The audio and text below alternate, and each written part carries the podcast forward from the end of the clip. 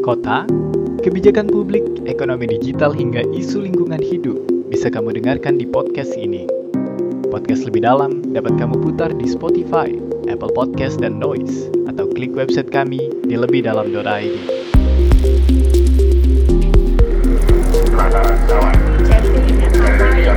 Kenapa susah banget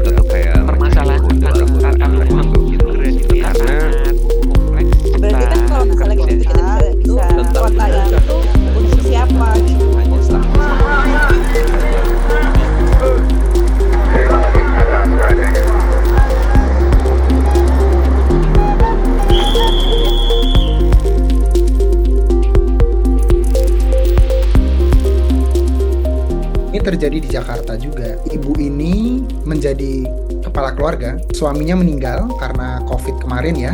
Eh, anaknya disabilitas kognitif. Di sisi lain dia juga harus merawat mertua. Eh, usianya udah sekitar 70 Mas. Dan akhirnya ibu ini tidak bisa bekerja Mas. Jangan salah, eh, generasi sandwich ini juga menjadi masalah yang kuat ya di Singapura, Korea Selatan, di Swedia itu juga terjadi.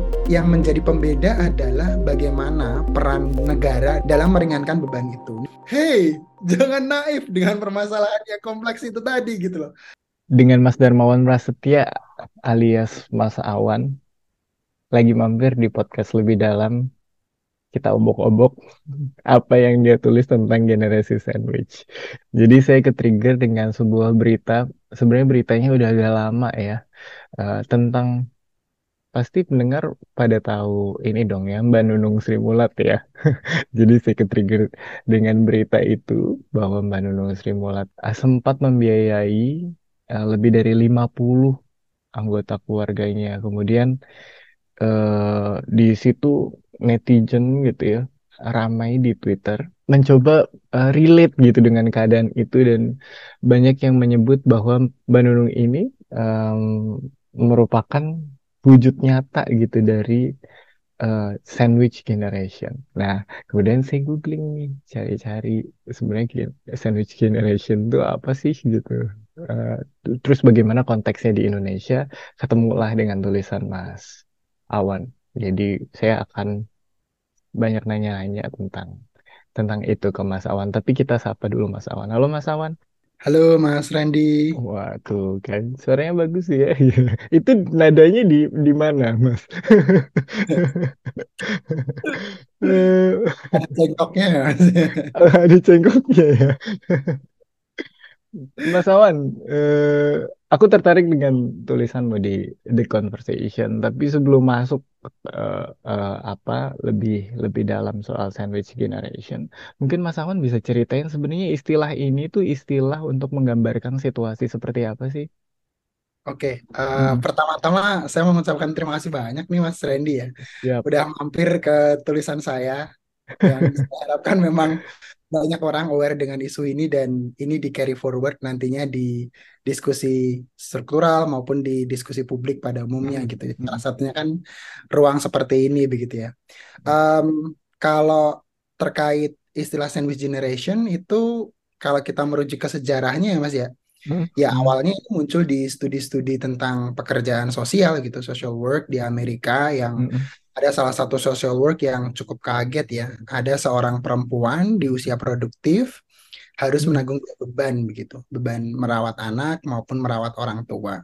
Sembilan itu sekitar 1981 ya. Studi itu berkembang terus diperluas pada isu-isu kebijakan sosial selanjutnya. hmm, Nah, sebetulnya Mas Randy, sandwich generation itu secara definisi belum disepakati ya.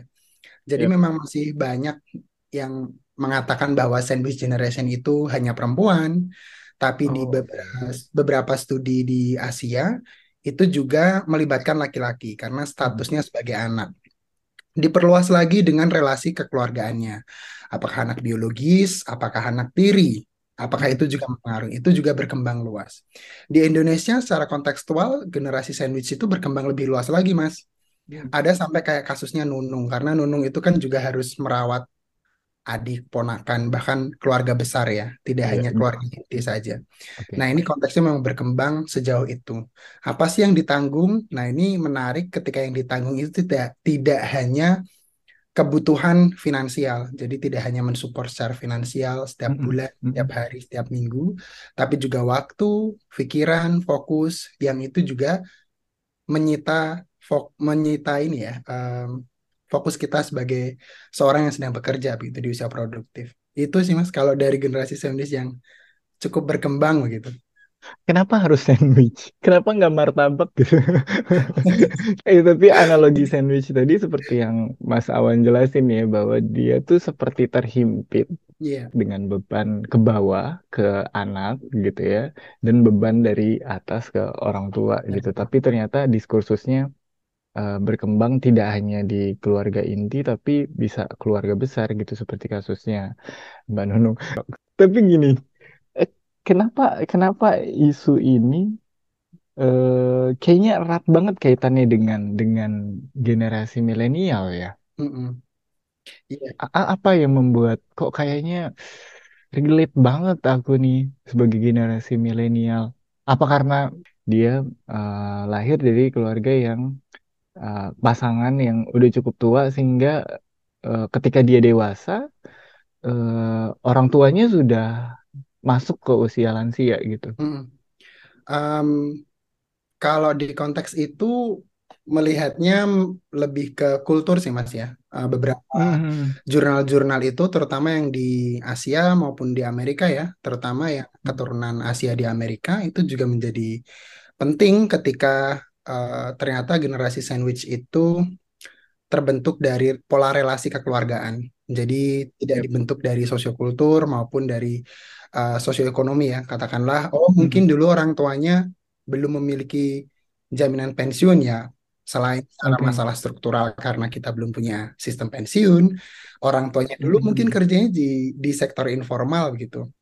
Tapi ternyata itu Mhm. tidak cukup mempengaruhi kalau kita melihat konteks seperti di Singapura begitu ya. Jangan Oke. salah, eh, generasi sandwich ini juga menjadi masalah yang kuat ya di Singapura, Korea Selatan, Oh, iya. Asia Oh iya. Timur. Eh, ini Mhm. juga terkait selain kultur, juga relasi kekeluargaan yang kita bangun, terutama di wilayah Asia. Ini mirip dengan konteksnya di beberapa negara Eropa Selatan.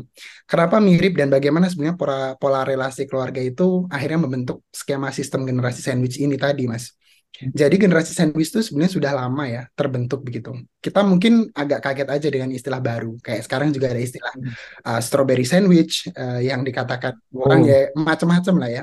Tapi Mhm. praktik ini sebenarnya udah lama. Kayak kita itu dulu kalau di kultur Jawa ya di tetangga saya itu lumrah ketika anak terakhir itu harus menunggu rumah. Artinya ya dia akan mendapatkan rumah dengan catatan dia harus merawat orang tuanya pada saat orang tuanya Mhm. sudah tua. Di sisi lain dia juga harus merawat anaknya sendiri begitu. Itu sebetulnya juga Yep, salah yep. satu contoh adanya generasi sandwich.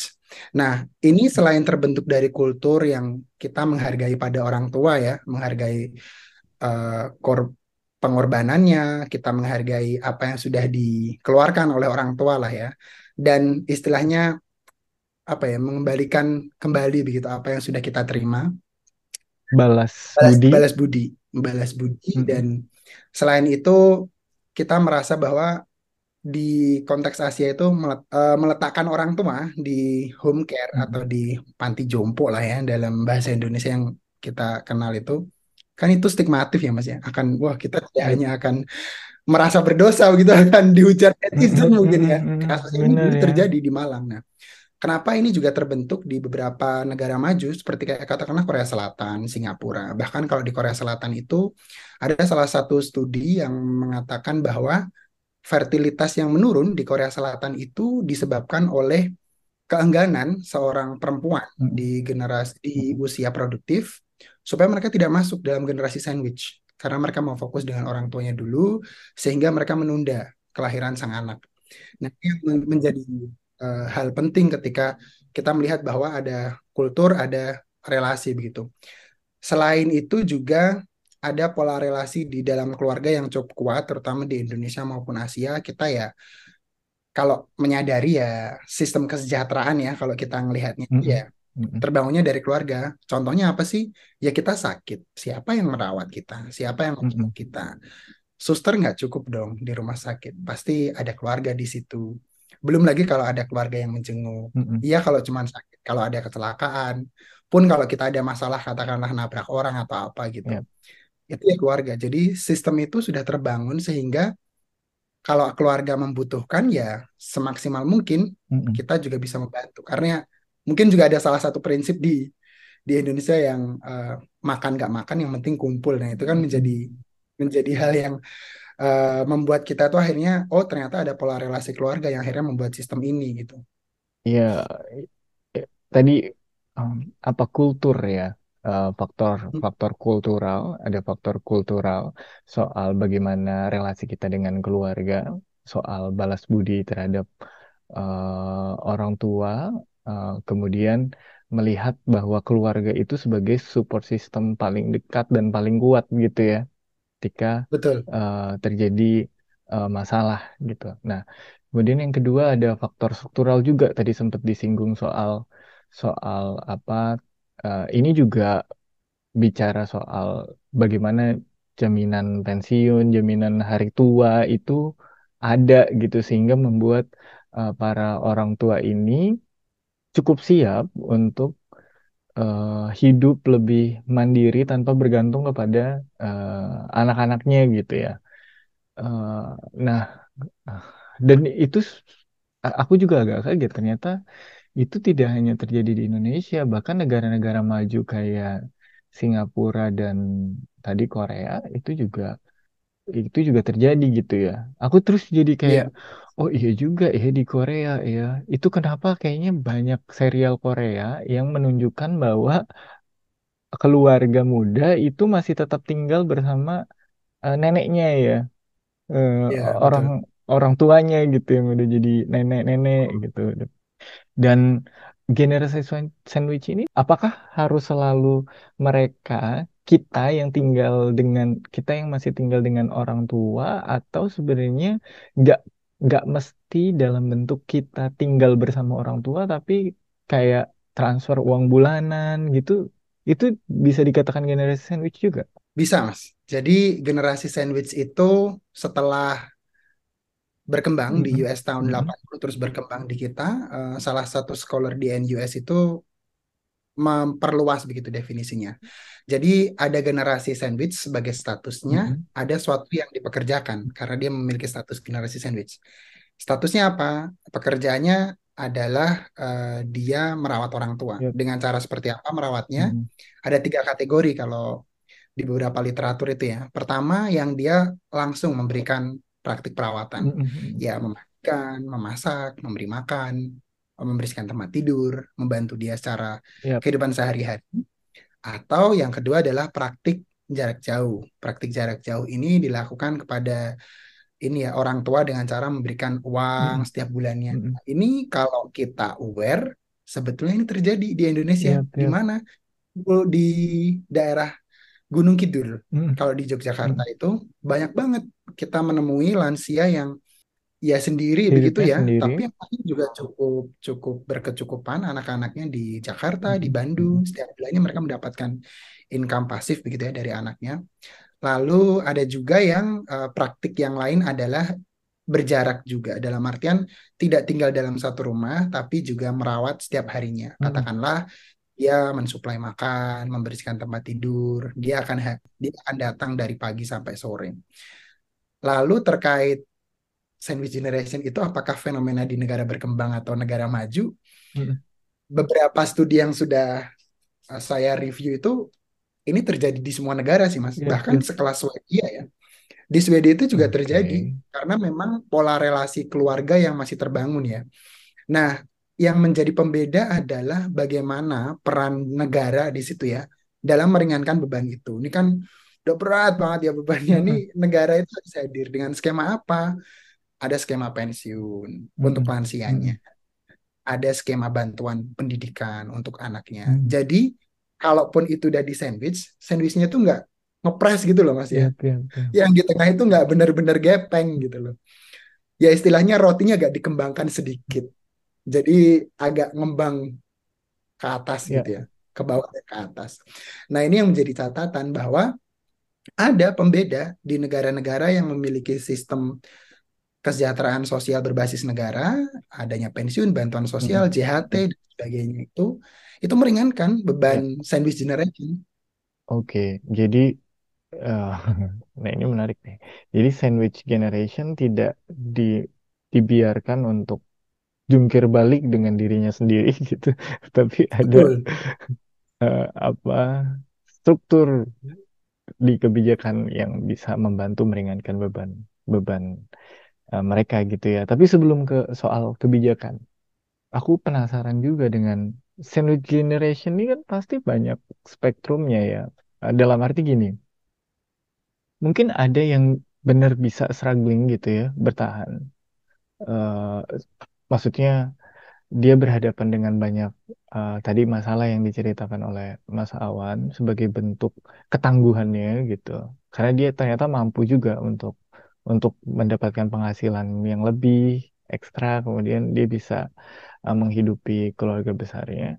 Tapi tentu pada spektrum yang eh, apa lebih lebih ekstrim lagi, eh, kita kita kita bisa melihat sandwich generation pada kelompok marginal nggak? Misalnya bagaimana mereka struggling, bagaimana sandwich generation dari kelompok miskin misalnya, mungkin disabilitas eh, atau kelompok marginal yang lain, itu juga berhadapan dengan isu ini gitu. Punya cerita nggak Mas Awan soal itu? Yes. Hmm, Kemarin kebetulan lagi eh, riset juga tentang kemiskinan dan aku menemukan satu keluarga dengan kompleksitas seperti ini hmm, ya hmm, Mas ya. hmm, hmm. Ini terjadi di Jakarta juga. Oke. Nah, eh, mungkin kalau secara diskusi sandwich generation-nya saja, kita hanya melihat bahwa, oh mungkin ya itu terjadinya hanya karena beban anak, beban orang tua begitu. Tapi apa pun itu yang ada di kertas kerja ataupun di paper atau artikel tidak bisa menggambarkan secara komplit dan penuh gitu loh Hmm, kompleksitas yang ada di lapangan gitu loh. Kasusnya kemarin itu saya eh, semacam etnografi singkat begitu dengan salah satu keluarga di daerah Jakarta Timur ya. ya, Jadi ibu ini menjadi kepala keluarga karena dia ya ya harus memenuhi kebutuhan hidup. Eh, suaminya meninggal karena COVID kemarin ya. ya, Eh, anaknya disabilitas kognitif. Kognitif itu yang memang secara emosional tidak bisa terkontrol ya, dan dia tantrum lalu membutuhkan apa ya eh, pendampingan yang cukup hmm, intens.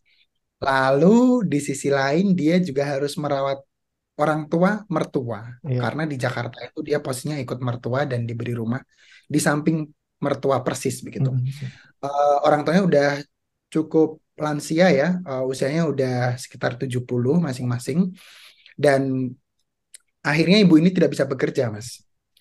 Ibu ini tidak bisa bekerja karena pertama ada demand dari anak ya untuk harus ke mana itu harus ditemani. Bahkan sang anak itu memiliki keteraturan begitu ya. Kalau udah jam 12, jam makan siang, setelah makan siang harus di ninabobokkan lah ya, sama ibunya hmm, gitu. Kalau enggak ya nanti akan tantrum dan sebagainya ya. Akhirnya ibu ini nggak bisa bekerja, Mas. Sama sekali tidak bisa bekerja, eh, hanya mengandalkan bantuan. Bantuannya itu entah nanti untuk bantuan SPP, karena juga disadari atau tidak, hmm, punya masalah sosial di Indonesia itu bisa memiskinkan kita ya. oke, Contohnya ya kayak ibunya ini punya anak disabilitas kan nggak gampang ya ya, ya, cari ya, sekolah yang inklusif, terus ya, yang bisa menerima dan memberikan pendidikan secara baik hmm, kepada anak disabilitas terutama yang kognitif. Akhirnya harus ke SLB. SLB-nya jaraknya sekitar setengah jam lah ya, dari rumah. Eh, harus ngangkot setiap hmm, hari. Di SLB juga SLB swasta karena dalam satu kota di daerah Jakarta Timur itu hanya satu gitu ya, yang terdekat. Dan itu ya jaraknya sekitar satu jam masihan. Pun ada kuota di SLB itu sendiri. hmm, Akhirnya sang ibu juga harus membayar SPP juga yang tidak murah juga mas. hmm, Satu bulan tuh 500 ribu. Kalau saya jadi dia mungkin saya akan almost give up ya karena bayar SPP segitu eh, tidak ada pengeluaran untuk penghasilan, tidak ada penghasilan sama hmm, sekali dan tidak bisa bekerja hmm, mas. Permasalahan dia tidak bisa bekerja sama sekali karena waktu ya. Eh, sore dia harus merawat orang tua karena uh, salah satu orang tuanya juga perlu perawatan yang cukup demanding gitu ya. Nah, ini yang menjadi hal yang penting. Kadangkala kita melihatnya kan satu masalah sosial itu terjadi dalam satu situasi saja gitu. Hmm. Sandwich generation ya sandwich generation, tapi konteks di lapangan mungkin akan lebih kompleks gitu. Ya. Oh, ternyata sandwich generation-nya karena disability. Karena disability-nya sang anak dan disabilitanya disability-nya orang tua Ya, karena kan ya, ya ya. makin tua ya bedridden gitu, Mas. Ya, ya, ya, Itu beneran terjadi di Indonesia Hmm. dan mungkin konteksnya ibu ini tidak hanya satu dua, beberapa orang tua, orang tua anak disabilitas yang saya temui di sekolahnya itu sempat ngobrol-ngobrol gitu, bahkan sampai ada yang diceraikan karena anaknya disabilitas. Oke. Ketika dia diceraikan, ya akhirnya si perempuan inilah yang harus merawat, Menanggung. bahkan dia punya dua anak disabilitas ya. Eh, satu rungu wicara, satunya itu ya semacam kognitif ringan. Tapi juga ada orang tua di rumah gitu loh.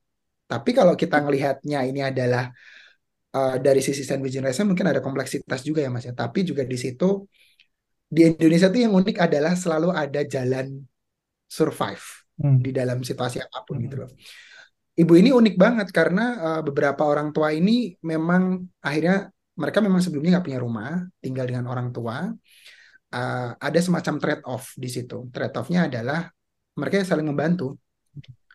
Orang tua yang lansia yang masih bisa bekerja itu semaksimal mungkin masih membuka warung, ya warung kecil-kecil banget. Itu ya paling sebulan eh, dapat sekitar 900 ribu lah. Itu pun kotor ya. Buka warung kecil, eh, ibu ini juga tinggal di rumahnya mbahnya gitu ya, Ya. generasi yang pertama. Jadi ada semacam trade off. Ibu ini pertama nggak punya rumah, diakomodir oleh orang tua dengan diberikan fasilitas rumah, dibantu juga kadangkala untuk memandikan sang anak begitu. Jadi eh, ketika ada sandwich generation, sebetulnya masyarakat itu memiliki salah satu strategi exit-nya yaitu saling kerjasama. Ini juga lumrah terjadi. Kadangkala kan kita banyak menemukan lansia hidup sama anaknya sesimpel kayak anaknya tidak bisa afford ke perumahan. Wih, Jakarta mahal banget perumahan ya akhirnya udahlah bareng hidup sama orang tua. Ini Hmm. adalah trade off tapi ya harus merawat orang tuanya karena kan kalau udah satu rumah biasanya nyampur ya secara logistik, eh, pengelolaan keuangan, ini nyampur. Nah, itu yang menjadi pola kerjasamanya. Tapi kalau dilihat dari apa ya kedalaman permasalahannya ini akan berbeda-beda. Status sosial juga menentukan, Hmm, Mas hmm, hmm. seberapa seberapa terbebani seorang sandwich generation itu tadi.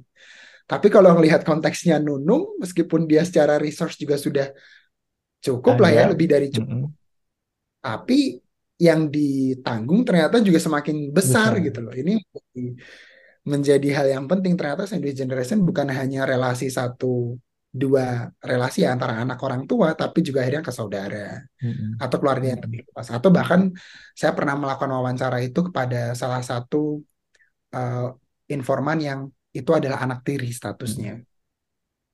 Nah, itu yang menjadi kompleksitas dalam sandwich generation gitu, Mas. Iya, iya, iya. Jadi bukan cuma bicara soal em, apa interaksi di antara keluarga ini, tiga generasi ini, tetapi ada faktor-faktor eh, sosial eh, seperti tadi misalnya akses terhadap pendidikan anak disabilitas yang nggak mudah, kesempatan untuk eh, mendapatkan penghasilan yang juga nggak mudah dengan situasi harus merawat eh, anak dengan disabilitas. Itu tuh juga menambah kompleks beban hidup eh, sandwich generation gitu ya. Jadi Betul, Mas. Iya. Jadi kemudian apa yang harus dilakukan oleh pemerintah gitu?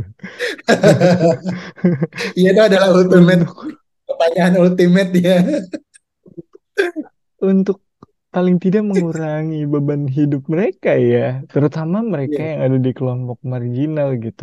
Mungkin kita nggak perlu dulu memprioritaskan untuk membantu Mbak Nunung Sri Mulat gitu ya, tapi ternyata banyak sandwich generation yang tidak hanya terjebak pada kompleksitas sandwichnya saja, tetapi terjebak pada perangkap kemiskinan. Ini kan jadi double-double nih perangkapnya gitu ya. Nah, Mm-mm. nah ini gimana ini?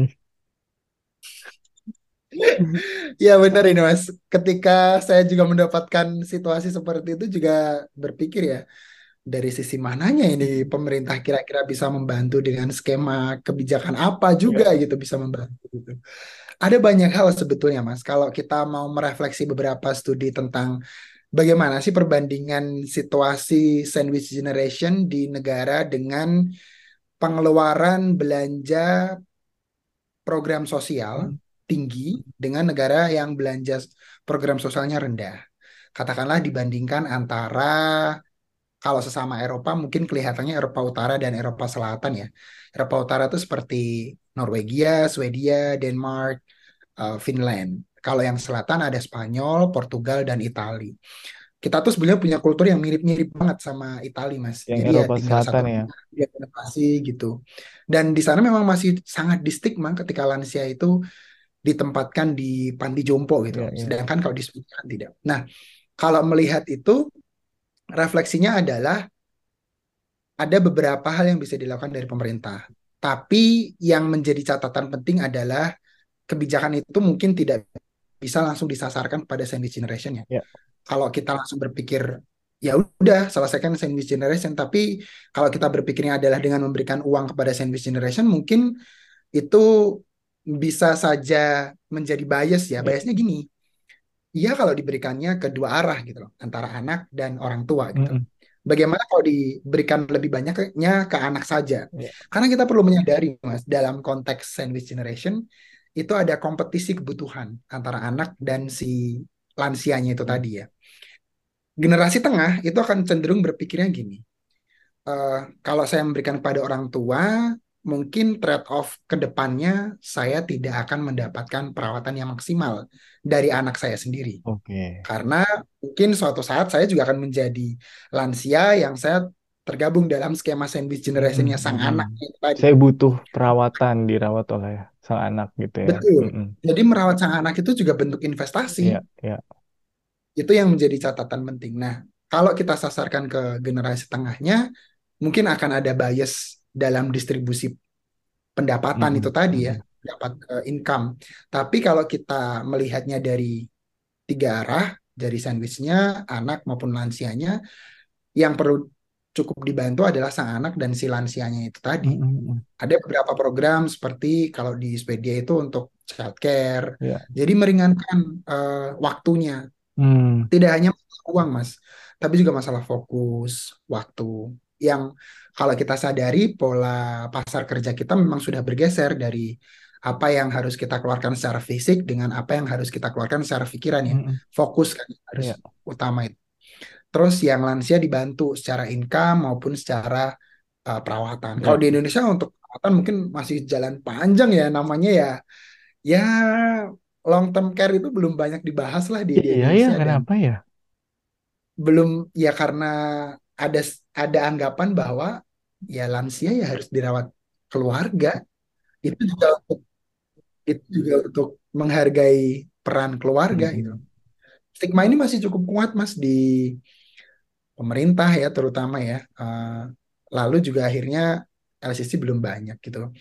Lalu akhirnya eh, yang perlu diperkuat adalah dari sisi income-nya. Karena gini, kenapa harus lansia yang diberi pensiun? Tidak dalam bentuk katakanlah ya udah yang sandwich generation masukin PKH aja Oh gitu. iya iya. Kan enak, Mm-mm. udah masuk kategori punya anak yang sekolah pertama, ada lansia dalam rumah tangga, udah masuk tuh Mm-mm. dalam beberapa kategori PKH kan.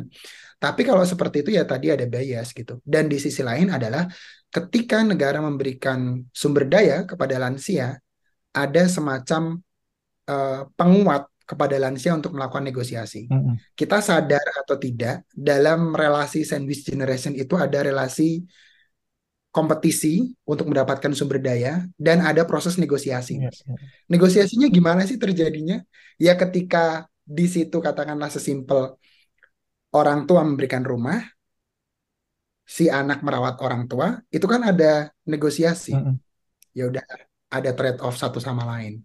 Nah, ketika kita memberikan resource kepada lansianya, lansia memiliki resource untuk melakukan negosiasi dengan sang anak. Membantu untuk meringankan belanja Ya. kebutuhan setiap hari lah, dengan skema pensiun itu tadi. Selain itu, ketika lansia memiliki resource, dia juga akhirnya memiliki martabat kemandirian ya. Mm-mm. Kita nggak jarang loh menemukan kasus mungkin sang anak itu eh, menghardik, membentak. Mm-mm. Ini juga jarang sih. Mungkin kita bicarakan ya, lansia itu dapat kekerasan nggak sih di Iya Indonesia? iya benar Ya, benar benar. ada itu tuh. Itu ada. Dengan dengan hal yang paling simpel adalah mereka dibentak, dihardik.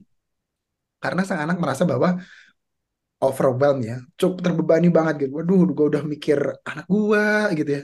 Gue masih mikir Mm. nyak babe gua gitu kan. Nah, akhirnya Mm-mm. ya kadang-kala dalam situasi yang uh, kompleks akhirnya mereka menghardik, membentak. Iya kalau cuman sampai pada batas itu. Bagaimana kalau sampai fisik gitu. Jadi dengan skema itu tadi meringankannya adalah dari dua sisinya.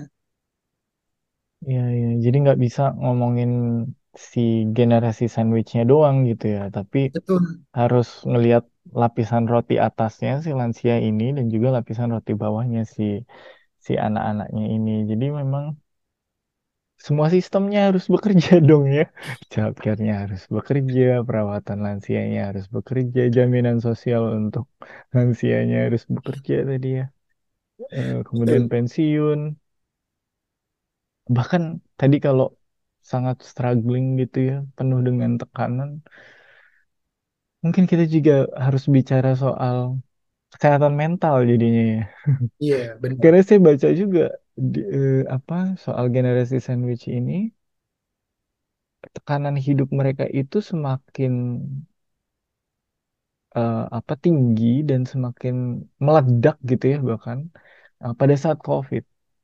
Jadi jadi di situ kemudian banyak yang juga mengadvokasi pentingnya eh, kesehatan mental untuk eh, mereka yang berhadapan dengan eh, situasi sandwich generation gitu. Betul.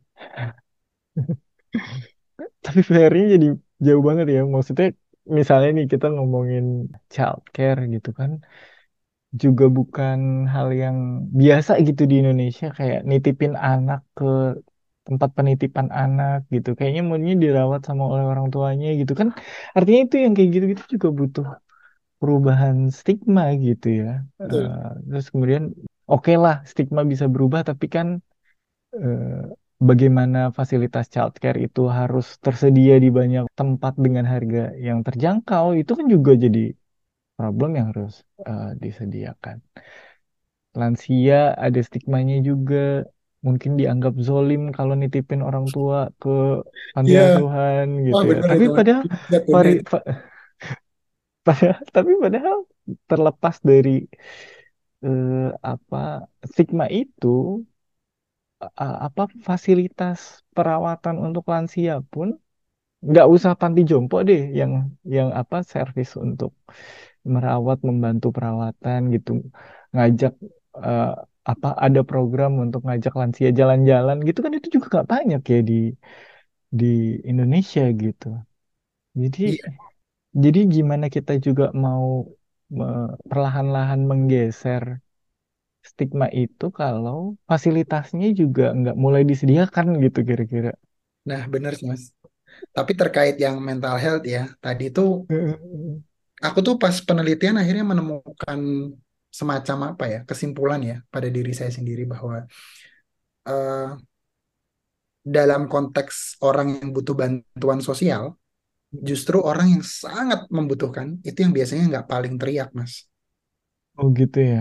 Contohnya seperti ini sih.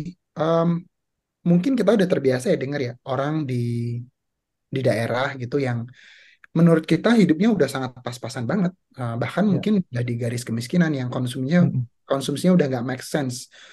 Sepuluh ribu atau lima ribu per hari itu yang kayak bener bisa hidup. Ya, Tapi ya. orang-orang ini adalah eh, orang-orang yang selalu mengandalkan prinsip kalau dalam bahasa Jawa itu nrimo ya. Nrimo itu ya menerima apa yang dia dapatkan gitu loh. Tidak meminta lebih. Dalam artian ketika melihat konteks seperti itu ya akhirnya mereka yang sangat membutuhkan justru mereka yang tidak berteriak sama sekali gitu. Dalam konteks mental health mungkin kita perlu ya menyediakan fasilitas yang lebih luas gitu. Bahwa eh, bisa diakses. Benar ya memang kayak JKN kita udah nih eh, menyediakan fasilitas layanan mental health gitu di level bahkan Mm-mm. sampai level puskesmas. Tapi ya Mm-mm. Lagi-lagi di puskesmas juga belum tentu ada pertama dokter yang setiap hari datang, Mm-mm. kedua antrian. Ini yang menjadi penting ya. Kalau ingat beberapa bulan yang lalu, mau tahun lalu ya, ada kasus ibu di daerah Jawa Tengah membunuh anaknya kan, dan anaknya sampai lari. Ternyata uh, orang tua ini memiliki isu mental health yang tidak pernah dikomunikasikan, Mm-mm. Mm-mm. mendapatkan pressure dari mertuanya, dan dia tidak pernah terjangkau. Bahkan dia tidak bisa mengidentifikasi bahwa dirinya kena isu mental health. Mm-mm. Mm-mm. Nah, yang menjadi pertanyaan adalah puskesmasnya, puskesmas di daerah tempat tinggalnya menyediakan fasilitas itu tidak gitu.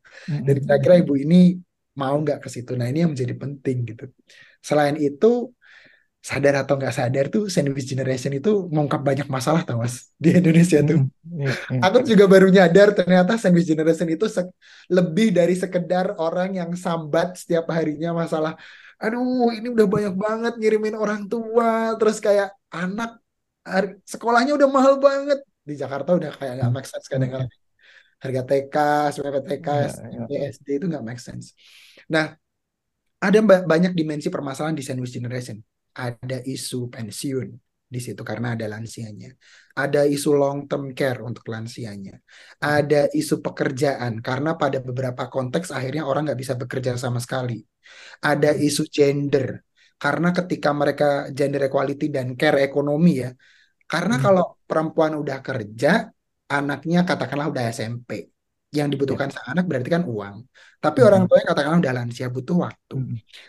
Kalau lansianya dadakan sakit, harus dibawa ke rumah sakit, nggak dapat cuti, nggak dapat perlindungan hukum bahwa dia boleh loh ngambil cuti kalau ada lansia di rumah dan dia harus mengantarkan untuk berobat.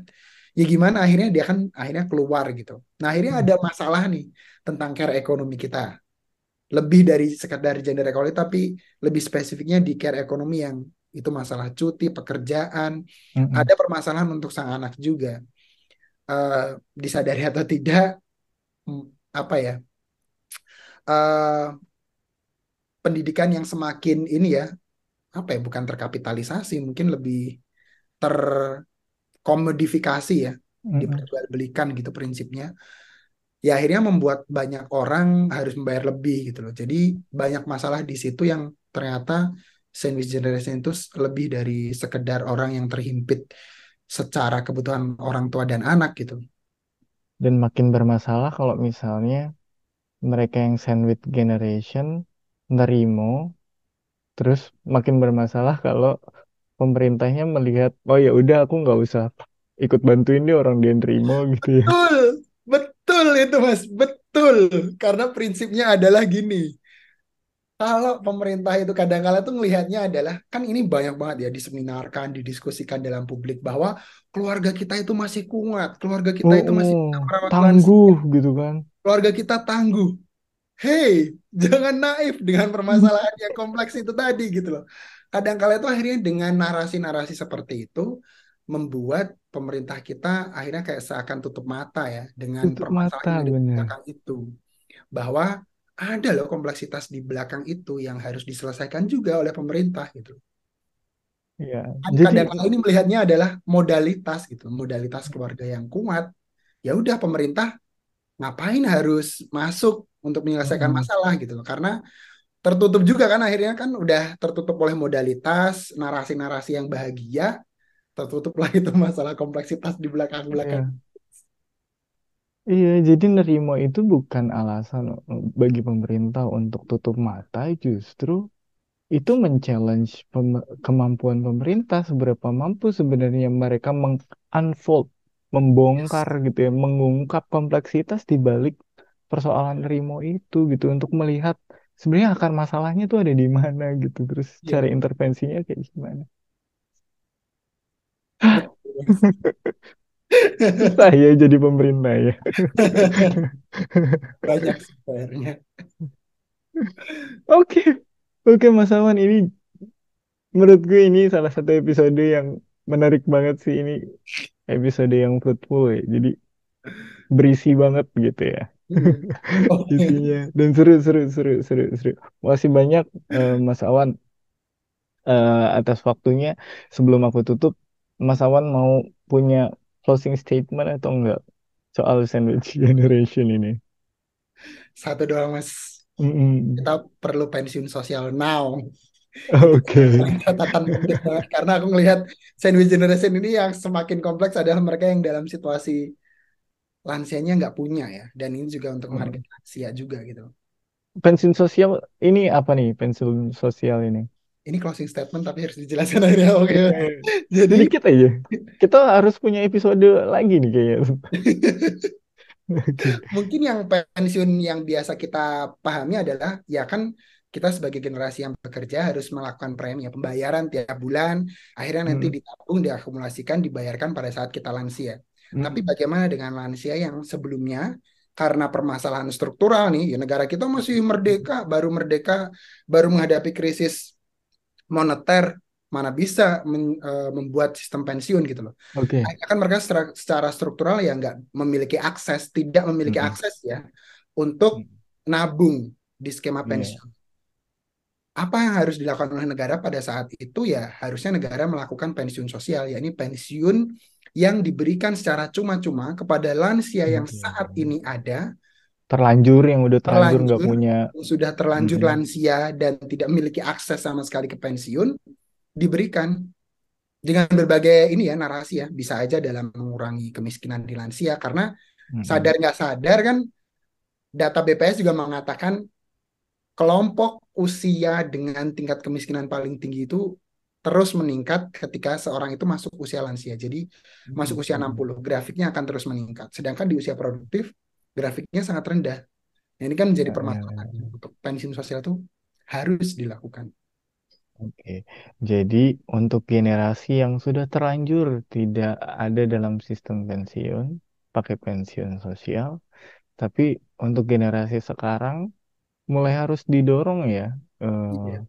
eh, masuk dalam sistem pensiun, dan sistem pensiunnya juga harus dibangun dong, Buka gitu. harus dibuka, Mas. Kita belum dibuka kan yang untuk informal.